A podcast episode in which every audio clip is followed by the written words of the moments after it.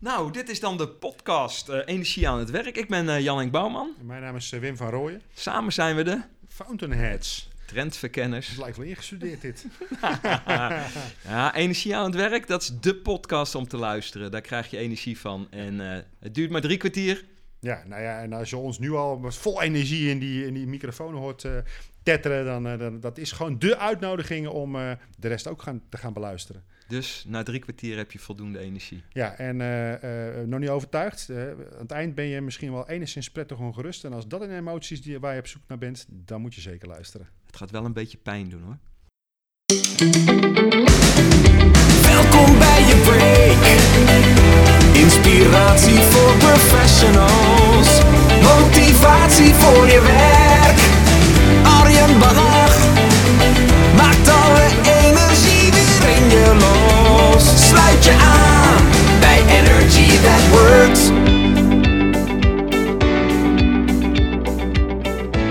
Een nieuwe podcast, een nieuwe aflevering. En ik vind het tof dat je weer de tijd neemt om te luisteren. En ik heb vandaag de gast van, ja, je hebt het gehoord in het intro. Dit is een uh, gekke intro. Hij duurde wat langer dan normaal gesproken, maar je hebt in ieder geval gehoord wie te gast zijn. Het zijn de Fountainheads. En uh, ik heb ze hen ook bewust gevraagd om het intro zo in te spreken, want zij zijn bezig met innovatie, met vernieuwing. En ze zeggen het is belangrijk om daarvoor uh, een beetje te klooien, te pielen, te experimenteren. Zo noemen zij dat. Dat laat ze ook een paar keer vallen in het interview. En ik heb gezegd, nou, dan ga ik jullie niet vertellen hoe het intro moet, wat het vaste format daarvoor is, maar take it away introduceer de podcast en jezelf maar. Nou, en dit is het resultaat. En uh, dit is ook een beetje een voorbode voor het gesprek. Het is een leuk gesprek geworden, uh, waar allerlei interessante voorbeelden over innovatie en over trends je om de oren vliegen. Want dat is een onderwerp waar ik zelf ook niet bijster veel van af weet. Ik weet vooral veel van hoe organisaties zich moeten organiseren om om te gaan met innovatie, maar welke trends er allemaal spelen. Ik weet er een beetje van, maar niet heel veel. En daar weten de Fountainheads, die weten daar alles van. En dit gaan, gaan het ook met je delen. Uh, een paar trends passeren de revue. We gaan het er ook over hebben hoe organisaties daar nou mee bezig moeten. Wat de eerste stappen zijn die ze kunnen nemen. Het is uh, behalve uh, inspirerend ook heel praktisch. Dus je kan er ook gelijk mee aan de slag. Ze delen hoe je daar als organisatie grip op kan krijgen. Dus ik weet zeker dat je, dat je er wat aan gaat hebben. Wat ook nog leuk is om te vermelden, is dat ze een eigen theatershow hebben gemaakt. Uit bedwang heet die. In tegenstelling tot in bedwang. Je moet juist uit bedwang komen. En uh, zij doen ook heel veel onderzoek. Onderzoek naar wat er allemaal speelt op het gebied van innovatie. Wat er speelt op het gebied van trends. En uh, nou kan het goed zijn dat je daar wat meer over wil weten. En dan kan je je bij hun abonneren op de nieuwsbrief. Zij sturen een nieuwsbrief rond. En al het interessante wat zij tegenkomen delen ze daar weer in. Dus mocht je nou zelf niet de tijd vinden om je te laten informeren over trends. Dan kan je behalve de, deze podcast in ieder geval helemaal afluisteren. Kan je ook abonneren op de nieuwsbrief bij de Fountainheads. Dus zoek dat dan vooral even op. Tot slot, leuk als je je abonneert op de podcast. Weet je nog leuke gasten? Laat het mij dan vooral weten op arjen.arjenbannach.nl. En dan gaan we nu luisteren naar het interview met de Fountainheads.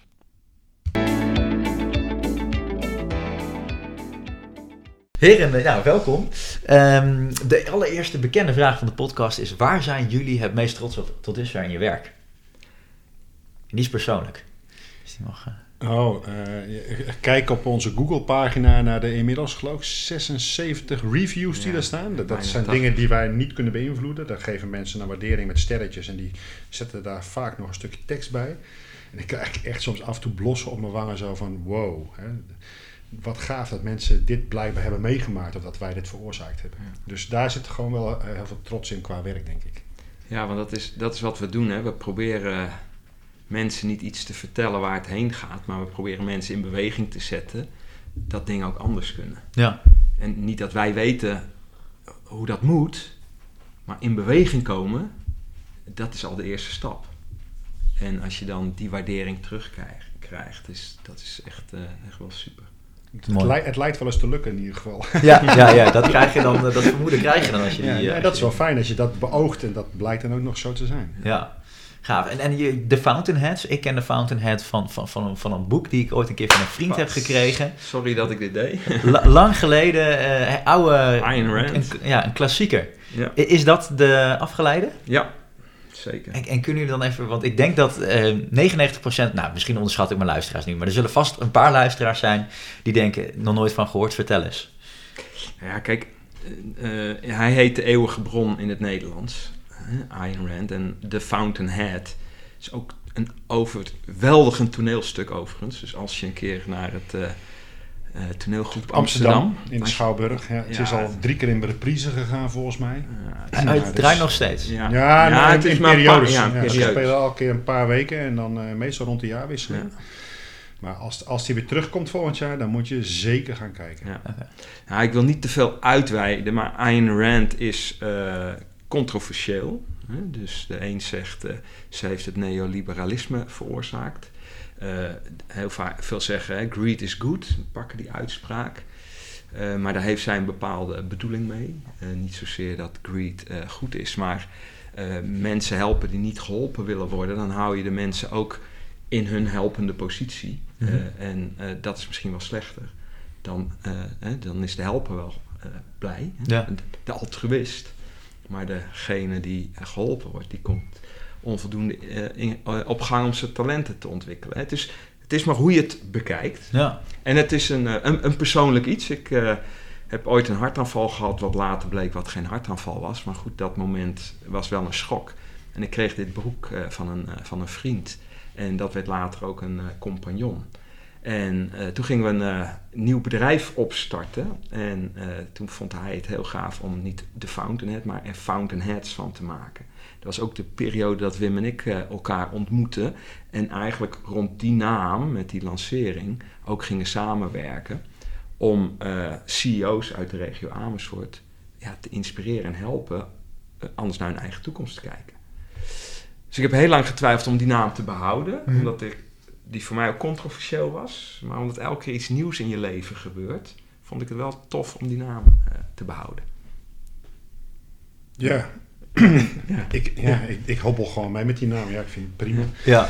ja. Nee, Maar ja, het- maar dus, ik- dus, ik, ik heb daar geen persoonlijke beweegreden voor. Ik vind dit een mooi verhaal. En eh, formeel is die bedrijfsnaam ook helemaal niet van mij. Want Nee. jij hebt dat ingeschreven bij de Kamer van Koophandel. En ik heb er dan wel, als iemand erom vraagt, een visitekaartje van. Eh, maar het is niks van mij. Nee. Dus dat, dat geeft ook gelijk aan hoe wij werken. Wij werken als een zwerm. Dus ik heb gewoon mijn eigen bedrijf. Ja. En, wij, en, en Fountainhead is toevallig dan een naam waaronder ik opereer en facturen stuur. Ja. Maar meer dan dat is het voor mij ook niet. Ja, dan behalve dat verhaal Ja. wat jij erover vertelt. En dat vind ik mooi genoeg om daar niet, eh, van, ah, om niet te zeggen... ja, moeten we nou niet samen nog een andere naam gaan bedenken of zo. Eh, Nee. nee, het is prima zo. Nou, en dat, vind- dat vind ik ook wel mooi hoe onze samenwerking daarin ontstaan is. Ehm, het is eigenlijk. eh, Wim heeft een heel mooi eh, eh, eh, pand in de muurhuis in Amersfoort. Een heel mooi souterrain waar zo'n 25 mensen in kunnen. En daar gingen we CEO-sessies organiseren.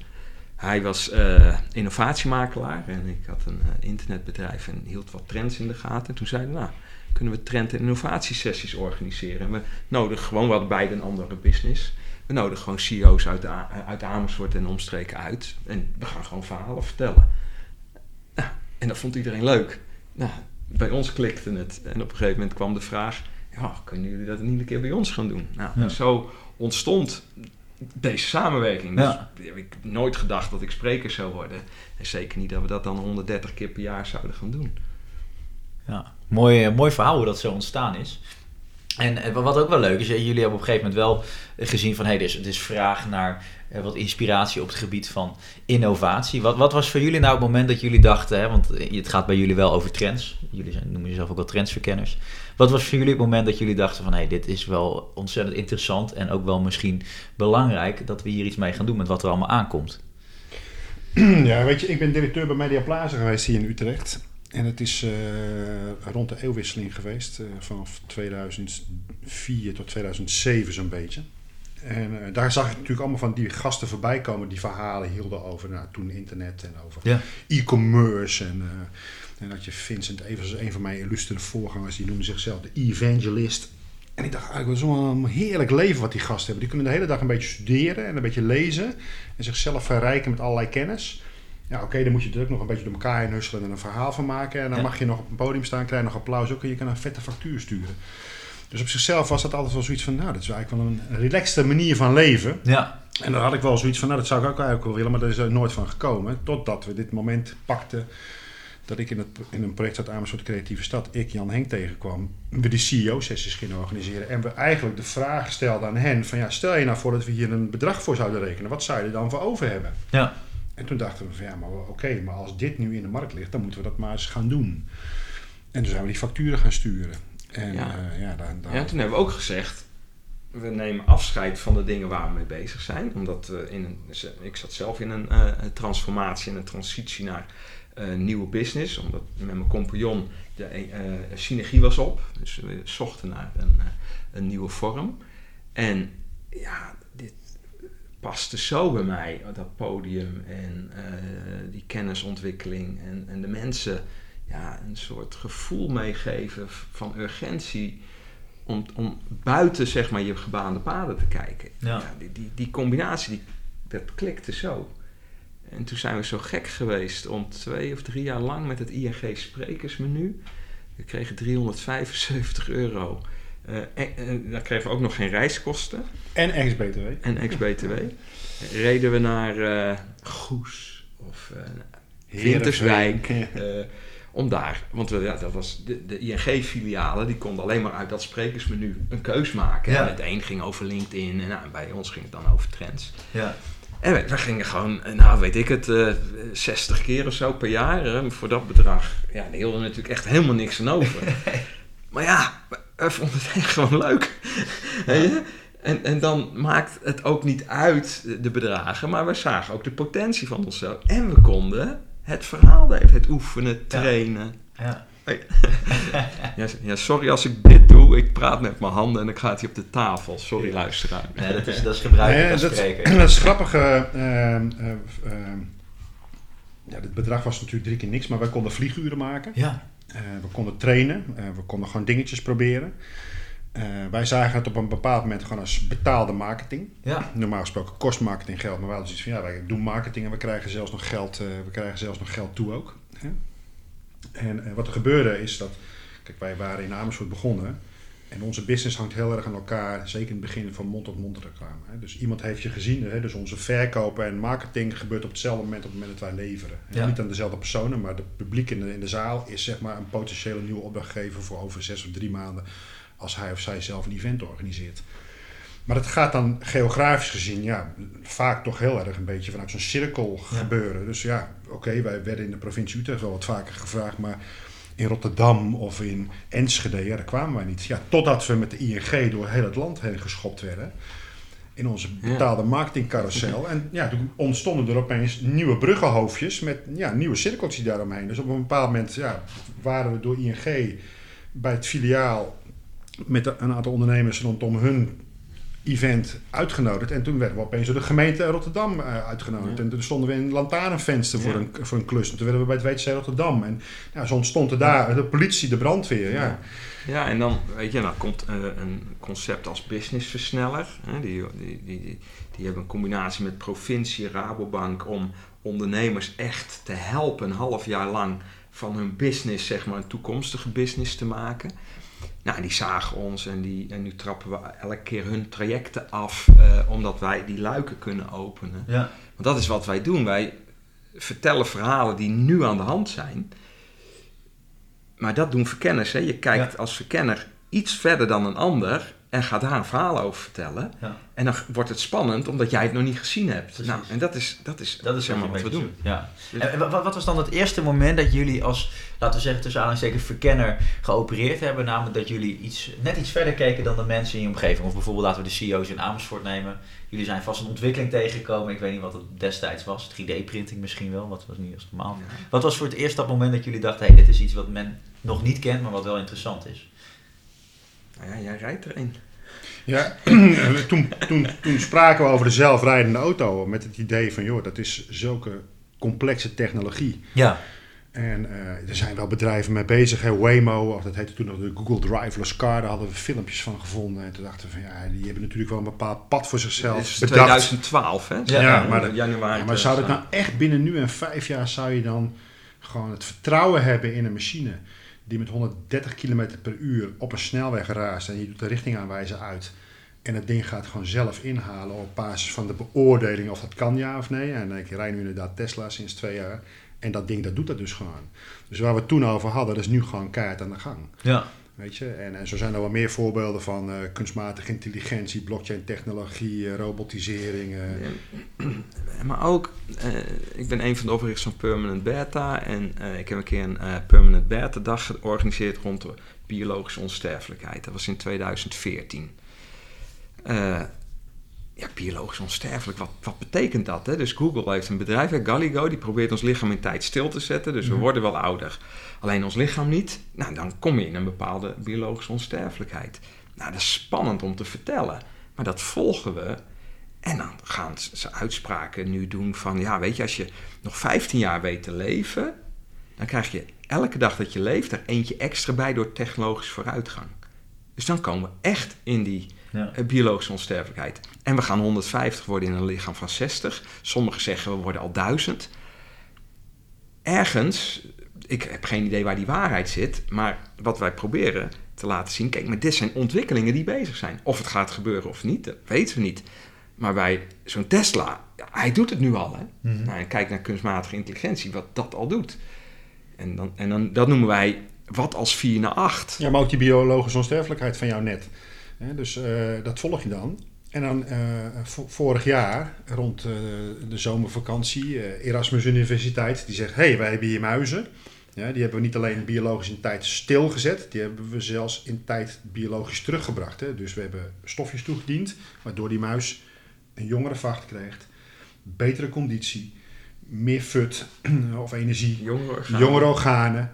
Dus die heeft 20% in tijd gewonnen ten opzichte van zijn maatje muis die dat goedje niet toegediend kreeg. En dat spul is gewoon te verkrijgen. Ja. Dat kun je gewoon in China bestellen. Er zijn nu mensen die 75 zijn of, of 70 zeggen: Ja, ik heb eigenlijk niks meer te verliezen in dit lijf. Ja, als het fout gaat met het spul, ja, dan ga ik dood, maar dan ga ik toch wel binnen nu en zoveel tijd. Maar als het werkt, ja, dan, dan, dan krijg ik er zoveel jaar bij. Dus mensen zijn nu gaan pielen, experimenteren, wow. klooien. Ja. Ja, en, en over een paar jaar weten we dus of dat bij hun ook werkt, net zoals met die muizen. Hè? Dus de wetenschappers in de Erasmus Universiteit zeggen, nou, daar zouden we wat voorzichtig mee zijn. Maar diezelfde mensen zeggen wel van, ja, die 15 jaar, dat verhaal, dat, dat zeggen zij ook. Hè? Ja. Nou, daar proberen mensen nu op te hacken en in te breken en dat te versnellen. Nou, dat is natuurlijk gewoon fantastisch om, om, om niet alleen te vertellen, maar dan ook te zien dat het een paar jaar later gewoon aan de gang is. Ja, ja en dan, dan, dan noemen we dat de biologische onsterfelijkheid. Maar ook met de kwinkslag hoe gaan we ethisch ermee om? Ja. Je kan het hebben over de laatste fase van het leven, maar als jij een dochter van vijf hebt en je denkt die wil ik een tijdje vijf houden, nou, mag dat dan? Ja. nou ja, moeilijke vraag. Ja, ja. Ja, dat is ook altijd interessant wat Emil Raterband hiervan zou vinden. Die heeft dan ook een enkele oplossing. Nou, ik vind Emil Raterband, ik vond het echt fantastisch wat hij gedaan heeft. Ja. Echt. Hij heeft helemaal gelijk. Uh, weet je, als, als je als. In Nederland mag je nu ook een X in je paspoort hebben, hè, dat je niet meer een vrouw of een man bent. Dus je kan zelfs. Dus, dus de biologie is aangepast. Want we, we, hebben niet alleen man en vrouw, maar we zeggen nu ook X. Ja. Dus waarom zou je dan de leeftijd niet mogen aanpassen? Ja. Omdat we ooit bepaald hebben dat de geboortedatum daarvoor. Uh, uh, garant staat? Of, of dus als je gediscrimineerd wordt door je leeftijd, terwijl je je niet zo voelt en je bent nog heel actief, want de een van 30 is misschien wel ouder dan iemand van 65 ik vind het mooi dat die, uh, ja. die discussie opraken. Ja, ja. ja. Nee, en dat is al ook zeker. Maar de, de, de, de, reden dat het zoveel onbegrip krijgt, is waarschijnlijk omdat mensen dus bijvoorbeeld nog niet bij jullie praatje zijn geweest. En dat het voor hen allemaal nog een beetje. Ja, of misschien omdat het Emiel Ratelband is. En dan denken die mensen, ja, daar, die loopt weer wat op te ratelen. Weet je, dus dat is misschien de controverse rondom die persoon. Dus misschien niet altijd een even handige combinatie. Maar dat is, kun je, dat, kun je zo'n uitspraak of kun je zo'n wens ook weer loszien van wat die man in het verleden geroepen en gedaan heeft. Weet je wel? Dat kunnen heel veel mensen niet. Dus daar hangt er gelijk een label aan. Mhm. En dat is dan wel jammer, want als je het in essentie gaat bekijken, je gaat er eens over filosoferen, net zoals jij nu net deed, ja, dan kom je misschien wat tot andere inzichten. En dat, dat is dan misschien ook wel de link naar de vraag die je dan probeerde te stellen, maar waar ik eigenlijk op inbrak. Ja, weet je, dat is wat wij aan het doen zijn. Hè? Dingen die er al lang zijn, die laten we gewoon vanaf een andere manier bekijken. Hè? Dus, dus het is niet zo dat wij nieuwe dingen bedenken.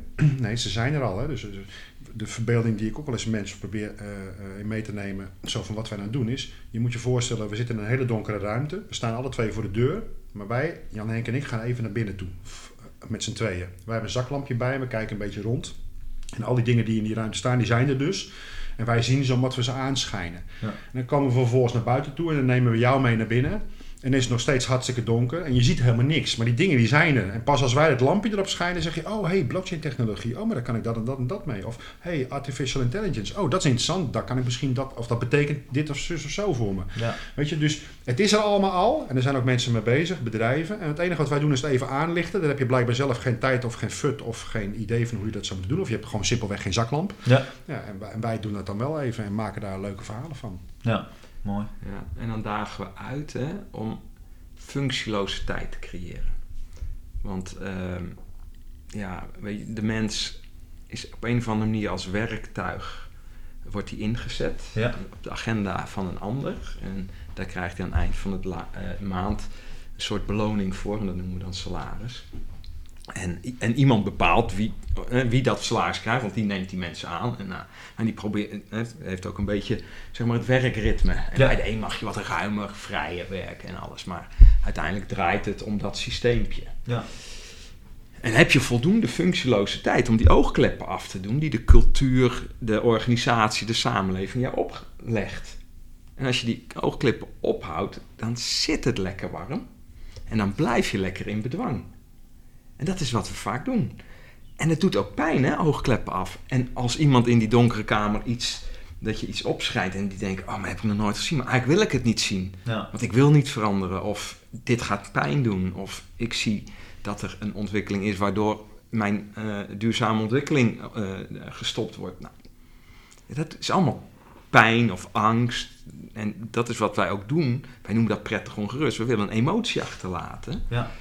Dat je ontdekt, er is eigenlijk meer. En dat weet je wel. Ja. Alleen soms heb je een schop onder je kont nodig. Nou, en dat is een beetje wat wij doen. Mooi. Ja, dit, dit, heb ik een hele slechte vraag, maar ik ga hem lekker toch stellen. Ah, Want ik eindelijk. weet zeker dat, dat, dat, dat er gewoon niet een goed antwoord op te geven is. Maar ehm, wel, wel interessant, hè? jullie als trendverkenners. Wat zijn nou, als we nu kijken, februari 2019... ehm, we hebben voor een aantal van die hele duidelijke trends, we lieten net al een paar vallen, blockchain, AI. Nou, zo zijn er een paar. Wat zijn nou de trends waarvan jullie zeggen, nou, hier moeten organisaties, als het komt over hè, hoe werken, organiseren, de toekomst van werk, dan moet je echt aandacht aan gaan geven. En om deze en deze reden. Ja, dus ik denk dat het mooi is als we er ieder eentje pakken, Wim. Dat is mooi. Ja. nou ja, weet je, eh, de verzamelnaam automatisering of, hè, of, of, of weer het aan bijzondere naar robotisering of het, het toenemend gebruik van kunstmatige intelligentie, big data. Eh, ik denk dat bedrijven daar echt gewoon serieus naar moeten gaan kijken. Hè, dus eh, welk repeteerbaar werk wordt er binnen nu en vijf jaar overgenomen door computers of door robots? en wat voor consequenties heeft dat op een organisatie? Ja. En ehm, weet je, het kan ook heel goed zijn dat je uiteindelijk, als je dat bestudeerd hebt, dat je zegt van nou, weet je, wij doen zo specifiek werk. Hè, eh, waar heel veel andere eigenschappen voor nodig zijn die nog niet geautomatiseerd kunnen worden. Dus voor ons, dus wij hoeven ons er niet zo druk te maken. Nou, dat kan, maar dan heb je er in ieder geval over nagedacht en dan heb je daar een conclusie aan verbonden. Ja. Hè, en niets doen, hè, dus in die donkere kamer als een, als een, als een, als een kip zonder kop rondlopen. En, en, maar straks wel je neus stoten tegen iets waar je niet het lampje op geschenen hebt. En waar je ook niet de moeite en tijd voor genomen hebt om dat te bestuderen. Ja, dat is dan, vind ik wel een beetje zonde, weet je. Want het is er. eh, Het is gewoon een kwestie van even tijd, functieloos tijd inruimen. Doe dat dan gewoon en neem dan daar op basis van een besluit. Kan besluit over vijf jaar ook nog blijken niet goed te zijn. Ja. Maar dan kun je in ieder geval nooit hebben gezegd van... Ja, het is me overkomen. Ik heb nooit een bewuste keuze gemaakt. Ja. Dus eh, nou, dit, dit is er eentje, denk ik. eh, maar er zijn er Mm. zoveel op dit moment. Ja. Laat ik dan de menskant kiezen. Ik denk dat überhaupt samenlevingen en de bedrijven daarbinnen ehm, heel erg eh, de mens hebben overgeslagen. Dus we zijn, als je kijkt naar eh, opleiding, ehm, en dat doen we nog steeds, we leiden op voor functies die er straks niet meer zijn. Ja. Ehm, de, de totale manier van werken wordt, wordt anders. En ik denk dat eh, bedrijven een ethische verantwoording hebben om te gaan uitzoeken wat ze met al die mensen gaan doen die ze uitfaceren. En da- dan niet op de manier van, goh, we zorgen nou, voor een nieuwe baanprogramma. Maar kunnen we de mensen voor het leven opleiden? Ja. En niet zozeer voor werk. En dat zou, dat zou denk ik een mooie stap zijn. En dat moet jij, jou als Chief Happiness Officer eh, in de oren klinken. Want uiteindelijk gaat het daarom. Kan je mensen in hun talenten raken, waardoor ze gaan bloeien. Ja. En daar, waardoor er een, een enorme bron van energie en passie eh, eh, vrijkomt. En daar wordt niet op gemanaged, onvoldoende. En, eh, en dan ben je niet alleen maar bezig voor de mens in jouw organisatie, maar de mens voor de samenleving. Ja. Dat die, want we hebben nogal wat adaptief vermogen nodig, omdat er heel wat op ons afkomt. Ja. En dat is dus niet alleen in dat onderwijs, die nieuwe generatie, maar dat zijn ook de huidige generaties. Mooi. En net, dit, dit zijn nou twee ontwikkelingen waar ehm, we, we het bestaan inderdaad wel vanaf weten, weten dat het belangrijk is. Maar waar, als ik dan toch even kijk, eh, veel bedrijven nog eh, bijna geen, in ieder geval veel te weinig aandacht aan schenken. Hebben jullie een oorzaak? Kunnen jullie de vinger op de zere plek leggen hoe dat komt? We voelen ons blijkbaar heel comfortabel met zoals het nu gaat. En het lijkt heel erg goed te gaan. Ja. Eh, dus eh, de bomen groeien tot in de hemel. Iedereen heeft werk. Hè. Er zijn er nooit zoveel van mensen aan het werk geweest eh, als, als nu. Hè. Dus gewoon absoluut gezien in Nederland. Hè, als je even ons naar, naar Nederland kijkt. Ehm, eh, de, de werkloosheidspercentages zijn ongekend laag. Nou, het is nu wel discussie of we er wel genoeg van profiteren in onze portemonnee, zeg maar. Hè. Met, met, eh, dus zijn we echt uit de crisis in de zin van dat we ook economisch in onze portemonnee voelen. Ehm, maar de vraag is natuurlijk, is dat allemaal echt zo? Hè? Is Ja. die economische groei van de afgelopen vijf, zes jaar, is dat nou een reële economische groei of is het gekocht met heel goedkoop geld? Omdat eh, de centrale banken gewoon maar ongeremd eh, geld in die maatschappij, in die economie hebben gepompt. En eh, ja, weet je, als je de, de rente maar kunstmatig laag houdt eh, en er is een tekort aan woningbouw, ja, dan is het niet zo gek dat de prijzen, dan kun je gisteren roepen dat eh, het vermogen van gemiddeld, gemiddeld vermogen van een Nederlands gezin van 14 naar 28.000 euro is gestegen, maar dat is gewoon papieren fictie, fictieve winst. Wat heb je daaraan? Dan kun je bij de bakker geen boterham meer van, van kopen, hè? Van, van dat zogenaamde papieren vermogen wat dan Ja, in de stenen ik- zit. Ik, ik eh, las een paar weken geleden, als Bill Gates de kroeg in komt, gaat het gemiddelde vermogen omhoog. Maar ik kan er geen biertje meer door kopen. Nee, ja. hè? En, en dat is een beetje dit soort cijfers. Ja, precies. Ja, dus, dus hè, ehm, ja, is het allemaal echt wat we meemaken? Of moet je dan, hè, dan toch die, die, dat voorbeeld van, je, van die paradox, eh, van, van, die, van die, die paradox met die oogkleppen. Hè? Dus f- kijken we alleen heel gekanaliseerd en luisteren we naar verhalen die we graag horen en Ja. die we elkaar graag aanpraten of die we napapegaaien. Ja, of moeten we die oogkleppen, hoe pijnlijk het misschien ook is om de werkelijkheid onder ogen te zien, af en toe eens gewoon wijd open te zetten of afrukken Ja. om te, om te ontdekken of er meer aan de hand is. eh, en, en dat is niet alleen maar heel mooi, eh, eh, zeg maar. Ja. En, en dan de, de, de volgende vraag, dan, hè, want die oogkleppen moeten eigenlijk af. Doen we niet omdat we te comfortabel zijn, maar hoe gaan we er uiteindelijk wel voor zorgen dat we met elkaar dat gaan doen? Hoe gaan we wel die urgentie voelen?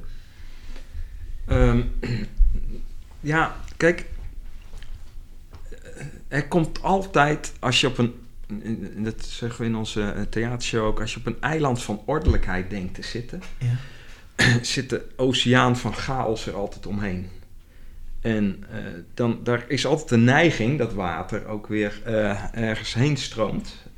En, en die chaos gaat de ordelijkheid eigenlijk altijd weer innemen, waardoor er weer nieuwe ordelijkheid ontstaat. Hè? Want we willen wel een beetje die vaste, droge voeten houden. Ja.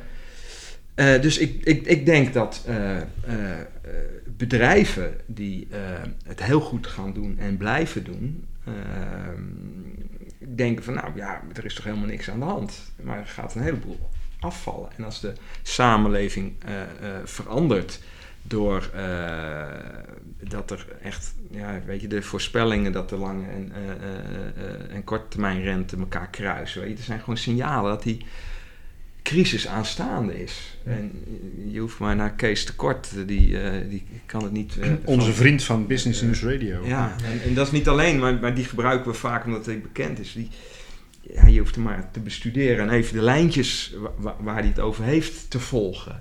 Ja, dan zijn er toch wel een aantal alarmbellen. Dus de urgentie komt vanzelf. Ja. Eh, en dan, gaat, dan zal iedereen moeten handelen. Maar wat wij ook proberen is niet alleen die bedrijven, maar ook de ondernemende mens. Hè. Wij zeggen niet, wij, wij spreken niet alleen voor ondernemers, maar die ondernemende mens. En een ondernemende mens is voor ons iemand die zijn eigen toekomst positief kan veranderen en die van anderen. Ja. En die moet gewoon om zich heen kijken. heb jij de uh, uh, economische vreedachtigheid. Hè? Dus dat je, je werkt ergens om dat geld wat ik net verdiende en een beetje je agendavulling. En uh, vervolgens krijg je dat toch bij een bedrijf vandaan waar je eigenlijk niet je hart ligt. Is, is het dan het waard om daar te werken? Of in jouw duurzaamheidsvisie? Of weet je, hoe ondernemend ben je om eruit te stappen om het op een andere manier te gaan doen? Ja. En het kan altijd op een andere manier. Nou ja, succesvolle organisaties, bedrijven of individuen, hè, dat staat altijd bij een individu. Hè. Of je nou een start-up bent die op een zolderkamer iets bedenkt en uiteindelijk een Facebook of de Google van de nieuwe tijd wordt. Of dat je als ondernemend mens in een organisatie die misschien al 100 jaar bestaat een nieuwe richting uh, uh, weet te creëren, waardoor het bedrijf weer meer continuïteit krijgt of nog succesvoller is dan ze nu al zijn. Het begint altijd bij individuen. en uh, wat is een organisatie? Dat is een verzameling individuen. Wij hebben ook niet de pretentie of het idee dat als wij als op een podium hebben staan, dat wij, laten we zeggen, 100 mensen in de zaal, ook 100 mensen de volgende dag actief. Tuurlijk, ze zijn allemaal over het algemeen heel enthousiast, hè? maar wij weten ook dat als die oogkleppen verbaal opengerukt zijn, dat er een soort van elastiekjes aan zitten. Dat, en bij iedereen gaan ze uiteindelijk met een bepaald tempo ook weer dicht. En bij de een duurt het twee weken, bij de andere vijf minuten. Ja. want die zitten gelijk al in de onderkenningsfase. Uh, maar degene waarbij we, het is gelukt om ze open te krijgen, nee, de stiekjes door te knippen of de oogkleppen helemaal af te laten werpen. Ja, dat zijn die eenlingen en die, die individuen die beginnen vanaf de dag daarna anders naar de wereld te kijken, naar hun eigen omgeving. Die gaan of die organisatie van binnenuit proberen te veranderen en te verbeteren. Of ze ontdekken misschien wel van ja, dit is helemaal niet de plek waar ik zijn wil. Ja. ik moet op een andere plek gaan, aan de slag eh, gaan. Ja. Het begint altijd bij individuen. Dus, dus illusie hebben om modelletjes te hebben dat we bedrijven een bepaalde richtingen kunnen sturen. Nou, die pretentie hebben wij gewoon absoluut niet. We hebben ook geen modelletjes. Uh, nee, het gaat er ons om, die prettig gewoon gerustheid moet mensen in, als individu in, in, in een soort van actiestand zetten om te denken, hé, hey, mijn werkelijkheid is dus niet de werkelijkheid. Die kan ik ook vanuit de andere kant bekijken. Sterker nog, de, ons, ik heb dingen gezien waarvan, waarvan ik nu weet dat, dat ze er al waren. Maar ik had ze nooit gezien. En de vraag die ik nu kan stellen aan mezelf is: wat betekent dat voor mij als individu? En wat betekent dat voor mijn afdeling, of voor mijn werk, of voor de waardepropositie, of voor het bedrijf, of naar de organisatie, noem het dan maar op, wat je dan aan wilt pakken, zeg maar. Ja. ja, we laten ook vier boeken zien hè, in onze presentatie, maar dan gaat het niet om die boeken. Maar wat we daarmee willen laten zien, van ga eens in jouw bedrijf, drie of vier boeken die actueel zijn, bestuderen probeer daar de betekenis uit dat boek te destilleren. En presenteer die aan die andere groepen die een ander boek lezen. En als iedere groep dat doet, dan heb je dus van drie of vier boeken de betekenis. Heb je buiten je organisatie gekeken. Heb je even ook in jezelf gekeken, want dat is natuurlijk boeken, hè, die spiegelen je. Ja. En vervolgens zet je iets in gang. Dus bij, en het hoeft niet die boeken te zijn die wij, maar dat is wat we steeds doen maak die stap. En als die stap te groot is, dan, ja, dan moet je hem echt kleiner maken, want anders ga je het niet doen. Ja. En dat noemen we, ga nou uit bedwang. Ga niet, hou jezelf niet in bedwang, maar ga uit bedwang. En misschien kan je het beeld voor je halen als je een dwangbuis om hebt. Mhm. Ja, die zit uiteindelijk comfortabel, hè? De, de dwangbuis van het leven, leven. Maar je kan hem niet zelf afdoen. Want daar is een dwangbuis voor. Daar heb je dus een ander voor nodig. Dus zoek elkaar op om elkaar te helpen die stap te zetten. Want het is moeilijk uit je comfortzone te komen. Mooi, ja. En, en dat is dus ook, hè, want, want, wat jullie zo mooi zeggen, het begint altijd bij individuen. Ehm, en die moeten dus ergens door getriggerd geraakt worden en dus ook de motivatie hebben om, om een stapje te zetten. En dan voel ik er eigenlijk gelijk uit dat de tweede stap is, uh, doe dat dan niet in je eentje, maar ga gelijk op zoek naar gelijkgestemden, want dan wordt het makkelijker van. Nou, gelijkgestemde. Ja, misschien gelijkgestemde wel, ja. Mensen die dat ook graag zouden willen, maar niet uh, dezelfde, dezelfde, mensen die met dezelfde ideeën rondlopen of dezelfde denkbeelden. Zoek juist tegenspraak op, weerstand. ga gluren bij de buren, dus ga niet nou, als je zegt van ja, ik zit in een bedrijf in een bepaalde sector, ga dan niet bij je concurrenten kijken of die het beter of slimmer doen dan jij. Dat zal ongetwijfeld, maar daar leer je, daar, daar krijg je geen andere inzichten. Want die papegaaien elkaar ook allemaal naar. Die gaan ook naar dezelfde beurzen, naar dezelfde seminars, lezen dezelfde vakliteratuur. Dus daar ga je niet de grote doorbraken zeg maar, vinden. Mhm. Als je bij andere bedrijven gaat kijken of je gaat bij, met andere type mensen praten dan, dan ontstaan, ja, dan kom je eigenlijk aan allerlei nieuwe donkere kamertjes. Hè? En die mensen kennen die donkere kamer en die omgeving toevallig wel. En die laten jou dingen zien die voor hun volstrekt normaal zijn en die voor jou volstrekt nieuw zijn. Ja. Ja, en uh, ja, dan uh, ontmoet je de kans zeg maar, om te denken van... hé, hey, wacht eens even, wat die gasten doen met die technologie... of hoe zij inspelen op die trend. Zij doen niet wat ik doe... Maar als ik op een hoger abstractieniveau ga hangen met mijn helikoptertje boven die markt of boven dat bedrijf, dan lijkt het in processen wel heel erg op wat wij aan het doen zijn met totaal andere producten of diensten. Wat kan ik daar nou van kopiëren zonder het zelf al die fouten te hoeven te maken? Hoe kan ik het ja, implementeren, gebruiken? Of nou ja, al dat soort vragen die gaan zit dan in je hoofd waarschijnlijk afspelen. En het leuke van die ontmoeting is ook nog eens een keer dat, omdat jij ook vanuit een andere branche komt, met een andere achtergrond en met een andere ervaring, dat voor degene die zijn wereld toont, dat, dat, dat jij misschien eens een keer in staat bent om vragen te stellen die, andere, die, die mensen zichzelf helemaal nooit meer stellen. Omdat het zo van, want zij zitten ook uiteindelijk in een soort van dwangbuisje. We hebben ook geaccepteerd dat dingen gaan zoals ze gaan. Totdat iemand er weer zegt van joh, maar, maar, waarom doe je dit eigenlijk al? Ja, dat doen we al. Ja, maar je kan het toch ja, je kan het ook zo doen juist. Of zo zou je het ook kunnen bekijken. Dus het werkt twee kanten op. Ja. dus ja. Ik moet hier meteen aan denken. Wij zeggen ook vaak stop met mensen in te werken. Weet je, dan heb je net frisse ogen binnen. En dan zeg je, ja, maar zo doen we het hier. Ja. Het is ja. net een, een ander, anders kijken. Maar het, het, het, is zo simpel, maar we zijn zo gewend mensen in te werken. En niet de uh, pijn te hoeven voelen dat je kritiek krijgt op hoe je het doet. Of dat iemand je net het iets anders laat zien. Terwijl het een unieke kans is, hè? Ja, eigenlijk zou diegene gewoon ja, moeten laten zien hoe het eigenlijk ook kan. Ja. ja. Nou ja laat hem, laat, geef een manier van de ruimte om de eerste maand niet ingewerkt te worden, maar juist overal langs te lopen. En vragen te stellen die bij hem of haar opkomen. Zo van, hè, ja, ik snap wel dat je het zo doet, maar waarom doe je Je kan het toch ook zo en zo en zo. En dan, krijg je, dan ziet opeens iemand van, nou ja, dat zou eigenlijk ook wel kunnen. Ja. En, en hij of zij neemt ook de ervaring van zijn vorige werk mee. Of van hoe die in elkaar zit. Of met de talenten die hij heeft. Eh, ja, dan mag je ervan uitgaan dat het anders is dan wat je hebt. Ja, en dan, je kunt nog steeds blijven kiezen daarna om het te blijven doen zoals je deed. Maar dan heb je wel een keuzemoment voor jezelf gecreëerd. En dan heb je een afweging kunnen maken van was het nou slimmer om het zo te blijven doen? Of is het misschien handiger om het op een andere manier aan te pakken? Ja. En dat soort keuzemomenten voor jezelf creëren kan alleen maar als je ruimte biedt. Ja, mooi. En, en, maar dat is nog wel een uitdaging. Hè? Die, ruimte op dit moment hè, creëren, als je kijkt, zeker in bepaalde sectoren, bijvoorbeeld onderwijs, zorg, ehm, werkdruk is, is, is uh, ja, heel, heel hoog. En hoe, hoe zorg je dan toch nog dat je die ruimte gaat vinden? Nou, ik, ik zou zeggen, zeg maar, eh, dit mantra wat jij noemt, hè, uh, wat jij opnoemt, ja, dat, dat riedeltje, daar gewoon eens afscheid van nemen. Want, want is het waar wat je zegt?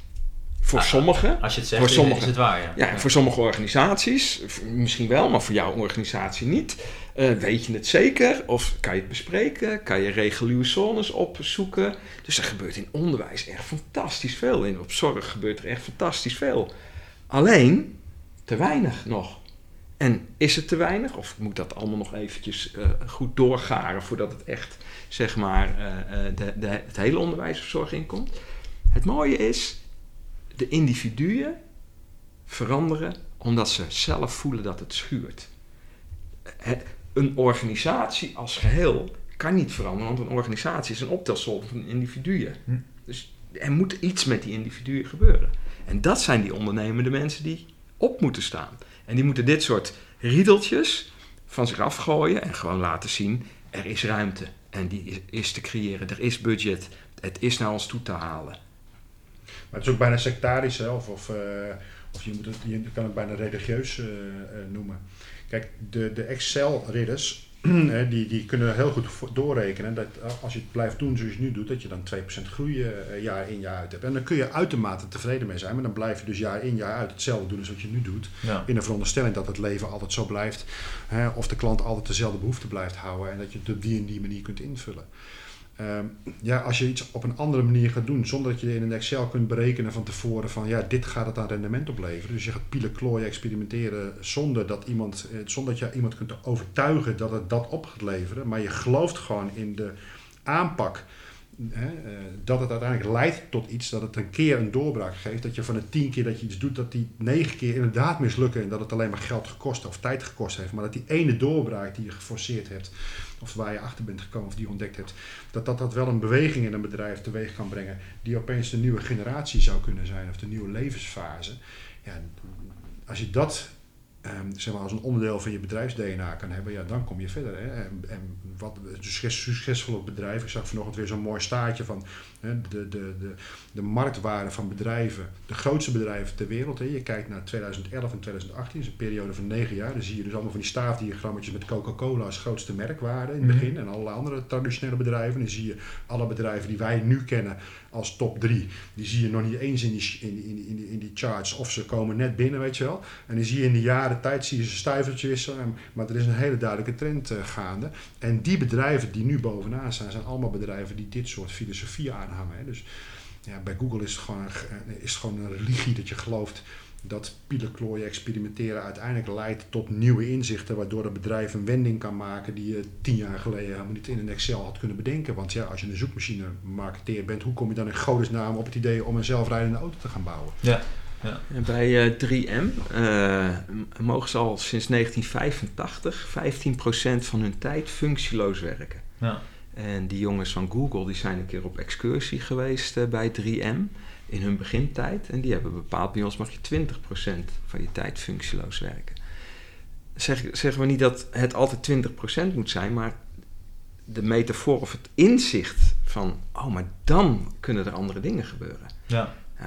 En, en dus kun je, en niet iedereen in een organisatie wil eh, eh, die vrijheid, hè? want heel veel mensen kunnen daar niet tegen. Nee, die nee. zeggen, geef mij mijn taak en dat doe ik. Ja. Nou, dan krijgen andere mensen die het wel eh, fijn vinden, wat meer functieloze tijd. Dus kan je in je organisatie op die manier wat dynamischer werken. Nou, mooi. Dus, dus een verantwoordelijkheid die heel erg bij professionals ligt, is hè, stop met die mantra's, met die overtuigingen dat het niet kan, want er is altijd ruimte.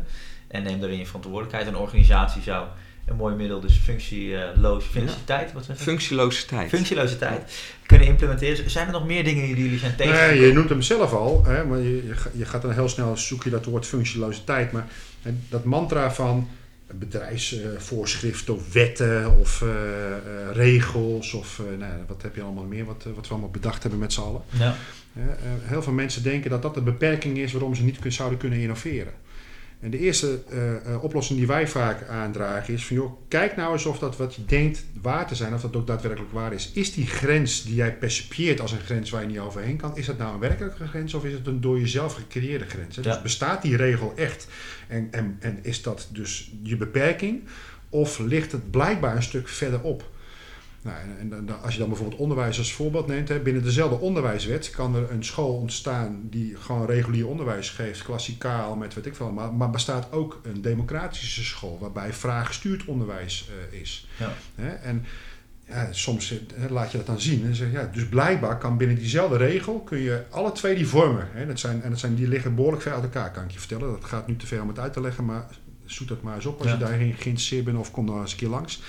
Maar en zo heb je dat natuurlijk in allerlei bedrijven. Hè? En, en, Oké, en stel je nou voor dat die regel dan wel ergens fysiek ligt, hè? of die wet ligt daar.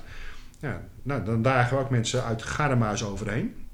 Hè? En, want dat doe je over het algemeen in een organisatie of in je werk of wat je doet met, met een juiste intentie. Je bent niet de boel aan het nee, je wil het beter maken of je wil een andere wending geven of eh, nou, noem het allemaal maar op.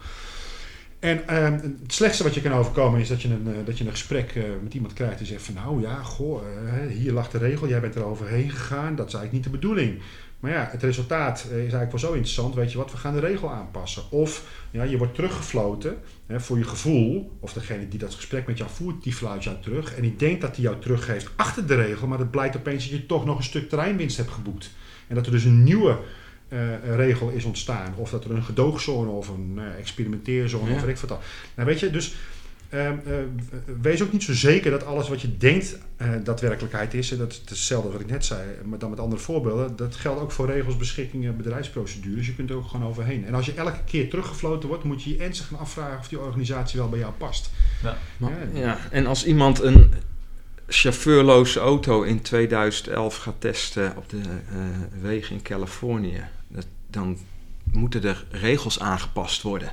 Dus je moet reguliere zones creëren. Als het op dat niveau kan, dan kan het toch op elk niveau. Ja. Maar het is ook je innerlijke waardigheid. Hè? Blijf je werken. Hè? Dus stel je bent eh, eh, een, een juf of een meester. En je, je, je bent aan, aan het klagen over Den Haag. En je, ook in jouw schoolbestuur krijg je het niet voor elkaar. Blijf je dan nog 15 jaar werken? Of ga je met een ander groepje nieuwe scholen creëren, Hm. zodat jouw visie op het onderwijs tot stand komt? Of blijf je hangen? Nou, da- daar liggen. Wie zijn nou ondernemende mensen en wie niet? En als je de innerlijke waardigheid eh, hebt om dat te doen en de, de passie en de kracht, dan gaat er iets gebeuren. Maar als je ja, blijft gaar koken in je eigen sop, dat je denkt, ja, het is toch allemaal niet leuk en Den Haag legt ons regels op en dit kan allemaal niet. Ja, wat gebeurt er dan in je leven? Een heel simpel voorbeeld over onderwijs gesproken. We moeten opeens van denken toen jij het voorbeeld aanhaalde.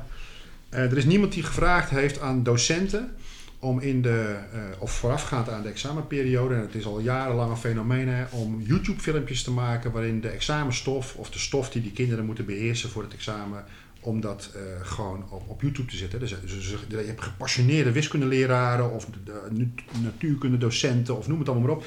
En je denkt van, ja, ik vind dit zo leuk.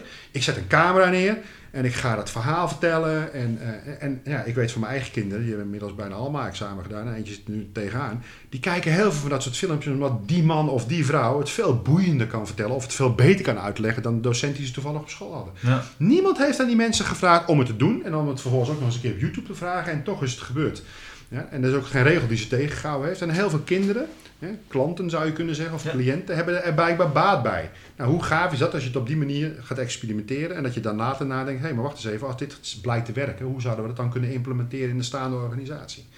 Dus die docenten doen dat op basis van, dat is een individu die heeft die keuze gemaakt, die heeft vervolgens andere individuen geïnspireerd en opeens ontstaat er een fenomeen, waar misschien ook nog wel een verdienmodel onderhand, want als je maar genoeg views hebt, dan kun je er nog advertentiegeld voor krijgen, ook bij YouTube. Ja. Dus je kunt er nog een leuke, weet je, dus dat, dat soort dingen ontstaan dan gewoon, hè? dat vind ik gaaf. Ja, en die mensen gaan dus uit bedwang. Hè? Ja. Dat zijn die ondernemende mensen. Die laten zich niet ondersneeuwen door het systeem of het kan niet. Maar die staan op. En dat is mijn positieve kijk op de toekomst. Dat we continu ondernemende mensen hebben die het gewoon niet meer pikken. Die Ja. zeggen gewoon, ja, dit, dit, ga, dit ga ik gewoon anders doen. Ja, en die nemen de anderen dan weer mee in beweging. Precies. En wat wij proberen is die mensen vaak ook een podium te bieden in onze presentaties. Om die te laten zien. Maar kijk, zij doen het zo. Ja.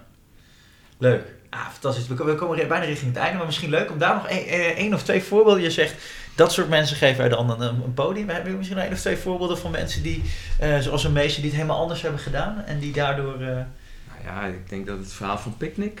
Ja, eh, weet daar je, die, geven wij geen podium, maar daar staan we dan soms mee op een podium. Of die sta- staan we na elkaar op een podium. Maar Michael Mullen met Picnic is natuurlijk een fantastisch mooi voorbeeld. Hè. Die is Ja. nu, eh, hè, dat zeggen heel veel mensen, en wij hebben het ook een beetje in ons verhaal verweven van, ja, wat is nou Michael Mullen, hè? wat is Picnic? Ja, zeggen heel veel mensen, is een online supermarkt. En dan zeg ik, ja, ik durf te beweren dat het van alles is, behalve een online supermarkt. Tuurlijk is hij begonnen met boodschapjes thuis bezorgen, met elektrische karretjes die geen uitstoot hebben, op een hele slimme manier een distributie- en logistieke keten ingericht hebben, dat hij niet kriskras door de stad heen rijdt, maar juist wijkje voor wijkje, straatje voor straatje. En hij heeft zijn klant ook op een bepaalde manier opgevoed. En je kunt die hele business case uitkouwen. zit briljant in elkaar. Ja, eh, maar goed, eh, dus bij de, daar zeg ik even voor het gemak in de directiekamer, de Albert Heijn en bij de Jumbo loopt ze dun door de broek heen, want die zien dat die gast een enorme groeisnelheid eh, Ja. heeft, zeg maar. En ja, je koopt maar één keer een pak melk, hè, dus je koopt of bij Picnic of bij de Albert Heijn, dus als hij het verkoopt, moet er toch iemand pijn hebben. En laatst las ik een Amersfoort, waar hij ooit 2,5 jaar geleden begonnen is, dat hij een marktpenetratie heeft van 25% van de huishoudens. Dat is best veel in 2,5 jaar tijd. Maar goed, waarom durf ik te beweren dat Micha Muller geen, geen, supermarkt, eh, geen online supermarkt is? Als je al überhaupt gaat kijken hoe het bedrijf eruit ziet, dan is al niet met een traditionele supermarktketen te vergelijken. Maar nu gaat Micha Muller, tot voor kort ging hij altijd leeg als hij de kratjes met boodschappen bezorgd had, het stadswijkje of het centrum uit. En toen dacht hij van, goh, ik kan natuurlijk ook een deal sluiten met de openbare bibliotheek. En dan kan ik de bibliotheekboeken mee terugnemen, want ik ga toch leeg terug. Dus die boeken kunnen wel aan het kratje. Ja, kun je natuurlijk doordenken. Waarom sluit je geen deal wat hij gedaan heeft met Weekamp? Dan kan ik de retourzendingen van Weekamp. Hoeven die mensen niet meer naar het postkantoor of naar zo'n drop-off point of naar weet ik veel wat, zo'n servicepunt. Nee, dat kan ik gewoon meegeven. Eh, ja, je kan dan ook een deal sluiten met Cent. De tweede pakjes of postorderbedrijf eh, of, of in Nederland. Dan kun je natuurlijk ook Coolblue, eh, Marktplaats, Zolando en al die andere pakjes mee terugnemen. Dus Michael Muller heeft een hele andere waardepropositie dan een online supermarkt. Michael Muller heeft met Picnic een bedrijf gebouwd, dus ICT-logistieke dienstverlener, die de pro- distributieproblematiek van de laatste kilometer op, op, oplost. En eigenlijk, vooruitlopen, moest ik vanochtend wel weer aan denken, eh, een, podcast die ik luisterde over logistiek. Nou, al die busjes die nu maar gewoon kriskras door elkaar heen, al die pakketjes op individueel niveau bij jou komen brengen. Dus jij kan de pech hebben dat je op één dag gewoon drie verschillende DHL, PostNL en andere bedrijven krijgt. Die man zegt van ja, je moet eigenlijk in steden concessiehouders gaan doen, net zoals met openbaar vervoer of met taxis. Je hebt gewoon voor een periode van drie of vijf jaar, heb jij de beste biedingen, mag jij met elektrische karretjes de orders uit... En dat, ja, waar die dan vandaan komen, maakt niet uit. Nou, dat soort manieren van kijken, hè, dat is op zichzelf als je het uitkoudt en als hij het vertelt, denk je van, mijn god, het is eigenlijk wel heel simpel allemaal. Hè? Maar je moet het maar bedenken, je moet maar zo'n bedrijf weten te bouwen. Maar dat is natuurlijk super inspirerend. Ja. ja, en dit is dan een ondernemer. Hè? En uh, als je kijkt naar een docent, gewoon een docent in Limburg. En dan wil ik niet zeggen gewoon, maar zo'n ondernemende docent voor autotechniek. En die dacht, ja, we kunnen ze wel allemaal gaan opleiden voor die uh, uh, plofauto's. Maar elektrische auto's is de toekomst. Dus wat heeft hij gedaan? Die heeft al die, elektrische, uh, of al die boekjes van al die elektrische auto's... heeft hij helemaal uitgeplozen, moest hij vertalen... heeft hij een curriculum omheen gebouwd. En dus op een gegeven moment zijn uh, studenten, moet je tegenwoordig zeggen... gaan opleiden in het maken van elektrische auto's. Hoe werken die dingen en wat... Nou, dus toen heeft, hij die subsidie heeft hij gekregen uit uh, de provincie, inmiddels uit uh, Europa. En het heet Garage 4.0. En heeft een platform, is, wordt er nu gebouwd, dat alle mbo-opleidingen rond autotechniek op die manier zijn curriculum gaan geven. Maar het interessante is dat die mbo'ers komen, moeten stage lopen en die weten meer van de toekomstige markt dan de medewerkers in dat autobedrijf en die leiden ze op. Hoe ga, en dat vind ik dan het gaaf. Hè? Dus een docent is gewoon opgestaan en is dat gaan doen. En nu is een stagiair niet iemand die gaat zich laven aan de ervaring van een ander, maar die komt kennis brengen in, en, in, een, eh, in een bedrijf. En dat betekent, dat is gewoon een baangarantie hè, dan. Omdat je meer weet dan, zeg maar, de oude hap in, in die industrie. Ja, ja, daar gaat mijn hart sneller van stroom. Als, we dit, als dit soort voorbeelden overal oppoppen, ja, dan gaat het een hele mooie wereld worden. Ja, en, en ook nog wel gaaf dat je dus ziet dat blijkbaar één docent uit Limburg iets voor elkaar krijgt, wat, wat Den Haag of hè, het ministerie van Overheid, noem maar op, ja, die, die komen daar niet zo snel mee. Dat, dat die zou je, daar, daar kijken we dan met z'n allen naar, daar zou je van verwachten, ja, die denken dat soort scenario's of ideeën toch naar. Hè? We kijken naar de toekomstige ontwikkeling van bepaalde markten, in dit geval mobiliteit. We zien dat we bezig zijn aan de ene kant op basis van milieu, hè, met de elektrificering van die mobiliteit. Dan ligt het toch ook erg voor de hand dat je daar een nieuwe generatie, ja, dat zijn niet eens maar monteurs, dat zijn gewoon computernerds. Ja, Want die hebben ook geen, geen, geen zwarte handen meer, maar dat zijn jongens die met laptopjes door de garage heen lopen en de nieuwste versie van een software in, de, in het ding laden of op softwarematige basis die diagnose stellen wat er met die auto aan de hand is, eh, ja of nee.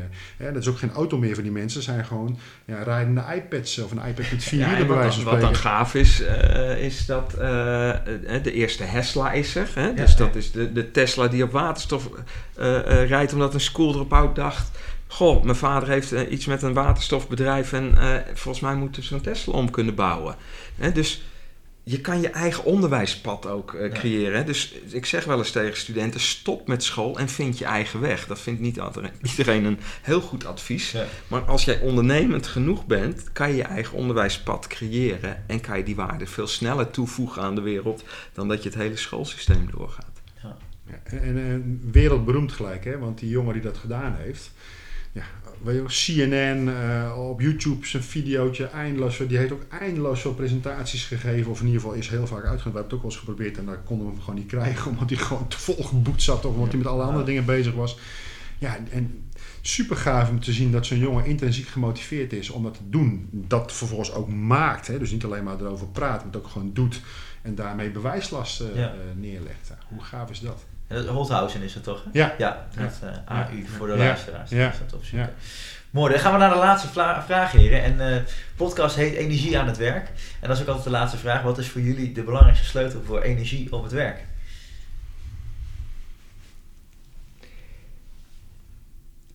Applaus? nou, nee, maar ik, ik, ik, oh, energie, van. Ja, maar energie op het werk. En, en kijk, dat kan je op verschillende manieren uitleggen. Hè? Bedoel jij de menselijke energie? Of bedoel je energie, de duurzame energie, zonnepanelen, wind? Nee, wel de menselijke energie. Oké. Ja. ja, kijk, ik denk dat de mens, ehm, als die verbonden is met zijn, ik noemde het als een innerlijke waardigheid en daar weet waar zijn talenten zitten. En dat hij uh, van daaruit kan bijdragen aan het geluk van anderen, waardoor ook eigen geluk toeneemt. Daar zit een soort continu bron van energie. Uh, maar er zit soms een sluier overheen van opleiding, cultuur, cultuur van organisaties die mensen beperken. Ik denk dat mensen veel meer kunnen als je die sluier weghaalt. Nou ja, ik, ik, ik betrok er meer op mezelf. Hè. Wat, wat, waar krijg ik energie van? Nou, dat begint met applaus. Hè. Dat krijg je dan in die zaal van 100 van 100 mensen. In de wetenschap dat bij heel veel van die mensen die oogkleppen binnen een dag gewoon weer in de oude stand staan. Ja. Maar als er dan één of twee zijn, dan laten we heel, heel, heel uh, conservatief zijn en zeggen: Nou, als één iemand ze echt heeft afgeworpen en dingen anders gaan doen. En wij doen, uh, nou, we krijgen ongeveer 25.000 tot 30.000 mensen per jaar uh, voor onze voeten, zeg maar. Nou, dan wordt 1% wordt opeens een serieus aantal en dat al zeven jaar lang. Ja, en soms van die mensen komen ook nog eens terug en die zeggen: Ja, maar jullie zijn de aanstichter van mijn andere manier van kijken en handelen. En dit heeft het tot gevolg gehad. Denk van ja, wauw, dat is gaaf dat je mensen in beweging hebt gekregen. Dat je jezelf en je eigen denkbeelden, of, of nou, niet zozeer denkbeelden, maar misschien meer je aanpak en je houding, dat je die hebt kunnen vermenigvuldigen met N is 1. Hè, dan heb je 2 dan heb je de start van exponentiële groei. Ja. dus niet beginnen met allerlei praatstukken en draagvlak creëren en proberen om 50% plus 1 te overtuigen en dan een maatregel in te voeren, maar gewoon te zeggen: nee, ik heb één iemand blijkbaar zodanig weten te raken dat hij anders met zijn nou, eigen werkelijkheid is omgegaan en met wat hij daarbinnen wil betekenen en wat hij daarbinnen doet. En dat dat dan vervolgens leidt tot een verandering in zijn of haar omgeving. En als hij of zij dat dan vervolgens ook weer weet over te brengen, dan doen we dat alle twee maal nog een keer en maal één. En dan zijn er opeens vier. En dan wordt het er acht en wordt het er zestien. En dan kan het heel snel gaan. Dan zitten we zo op 50% plus. Ja, en dat is een beetje de manier waarop we nu moeten innoveren natuurlijk.